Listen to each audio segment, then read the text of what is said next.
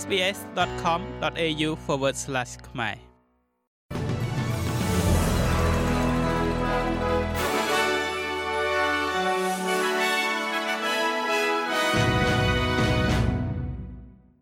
សូមស្វាគមន៍មកកាន់នេតិព័ត៌មានខ្លីៗរបស់ SBS ខ្មែរសម្រាប់ថ្ងៃប្រហ័សទី21ខែធ្នូឆ្នាំ2022 រដ្ឋមន្ត្រីការពារជាតិលោក Richard Marles មានប្រសាសន៍ថាអូស្ត្រាលីនឹងមិនបញ្ជូននាវាចម្បាំងទៅកាន់សមុទ្រក្រហមនោះទេបើទោះបីជាមានការស្នើសុំពីសហរដ្ឋអាមេរិកក៏ដោយចុះលោករដ្ឋមន្ត្រីការពារជាតិមានប្រសាសន៍ថាទោះបីជាបដិសេធការស្នើសុំនេះក៏ដោយអូស្ត្រាលីនឹងបញ្ញាបញ្ជូនបុគ្គលិកកងនាវាចរបន្ថែមរហូតដល់6នាក់ដើម្បីជួយដល់កិច្ចខិតខំប្រឹងប្រែងរបស់ក្រុមការងារអាមេរិក ក្នុងការធានាដល់ការឆ្លងកាត់ពាណិជ្ជកម្មអ្នកនាំពាក្យកិច្ចការបរទេសបកប្រឆាំងលោក Simon Birmingham បានរិះគន់ការសម្រេចចិត្តនេះហើយនិយាយថាគណៈពេលដែលវាមានសារៈសំខាន់នៅក្នុងការរក្សាការផ្ដោតយុទ្ធសាស្ត្រក្នុងតំបន់របស់យើង តែច្រកសមុទ្រ Suez Canal នេះក៏មានសារៈសំខាន់ផងដែរប្រហែលជា12%នៃពាណិជ្ជកម្មអន្តរជាតិឆ្លងកាត់សមុទ្រក្រហម ប៉ុន្តែការវាយប្រហាររបស់ពួកសកម្មប្រយុទ្ធហៅទីនាពេលថ្មីៗនេះតាមផ្លូវដឹកជញ្ជូនកំពុងតែបង្ខំឲ្យមានការបដូរផ្លូវដែលត្រូវចំណាយថ្លៃសម្រាប់ក្រុមហ៊ុនដឹកជញ្ជូនលោក Males បានប្រាប់ Sky News ថាវាគឺជារឿងត្រឹមត្រូវដែលត្រូវធ្វើសម្រាប់វិស័យការពារជាតិរបស់ប្រទេសអូស្ត្រាលីមួយទៀតនោះពាក់ព័ន្ធជាមួយនឹងសង្គ្រាមនៅមជ្ឈិមបូព៌ា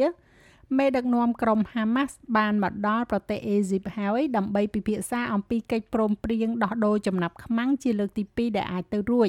ខណៈដែលការបោះឆ្នោតនៅទីក្រុងញូវយ៉កលើដំណោះស្រាយរបស់អង្គការសហប្រជាជាតិ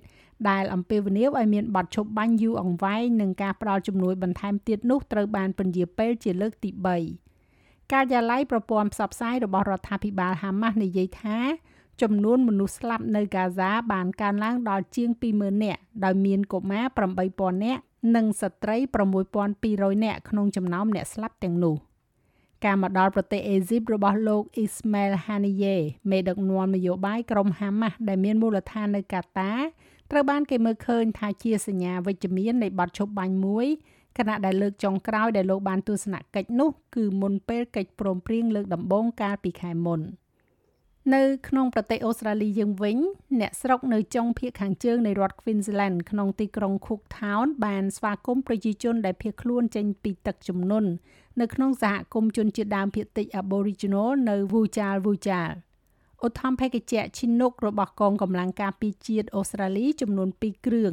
បានជួយបំលាស់ទីមនុស្សប្រហែលជា200នាក់ក្នុងរយៈពេល2ថ្ងៃ បន្ទាប់ពីតំបន់វូចាលវូចាលត្រូវបានបំផ្លិចបំផ្លាញដោយទឹកជំនន់ដែលបណ្ដាលមកពីអតីតខ្យល់ព្យុះស៊ីក្លូនត្រូពិច Jasper នៅដំណាក់កាលមួយក្នុងអំឡុងពេលព្យុះស៊ីក្លូនទីក្រុង Cooktown បានទទួលទឹកភ្លៀងជិត340មីលីម៉ែត្រក្នុងរយៈពេល24ម៉ោងដោយបានបំបែកកំណត់ត្រាប្រចាំថ្ងៃក្នុងខែធ្នូពីមុនដែលមានកម្រិត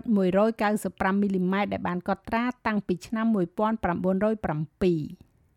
ចុងក្រោយនេះតុលាការបានចេញដីកាមួយដើម្បីតាមចាប់ខ្លួនបរិសម្នាក់ដែលរងការចោទប្រកាន់ថាបានសម្លាប់ជនរងគ្រោះស្លូតត្រង់ម្នាក់និងធ្វើឲ្យមនុស្សពីរនាក់ផ្សេងទៀតរងរបួសនៅក្នុងការវាយប្រហារបទឧក្រិដ្ឋសម្ងាត់លោក Ahmed Al Azam អាយុ25ឆ្នាំបានស្លាប់នៅក្នុងមន្ទីរពេទ្យ រយៈពេល3ថ្ងៃបន្ទាប់ពីលោកត្រូវបានគេរកឃើញថាបានរងរបួសយ៉ាងធ្ងន់ធ្ងរនៅក្នុងរថយន្តដែលចតស្ងៀមរបស់លោកបន្ទាប់ពីការបាញ់ប្រហារនៅព្រឹកព្រលឹមនៅឯ Green Acre ភាគនិរតីនៃទីក្រុង Sydney កាលពីថ្ងៃទី23ខែកក្កដា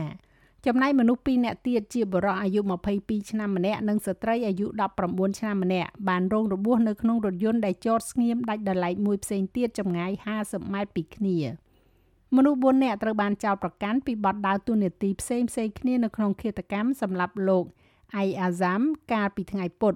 ប៉ុន្តែក្រុមអ្នកស៊ើបអង្កេតបាននិយាយថាខ្មាន់កំភ្លើងនៅមិនទាន់ត្រូវបានគេរកឃើញនៅឡើយទេប៉ូលីសនិយាយថាបរិះ22ឆ្នាំរូបនេះត្រូវបានគេគិតថាជាជនបរទេសហើយត្រូវបានគេតាមចាប់ខ្លួនពីបទចោទប្រកាន់បទល្មើសធ្ងន់ធ្ងរនិងហិង្សា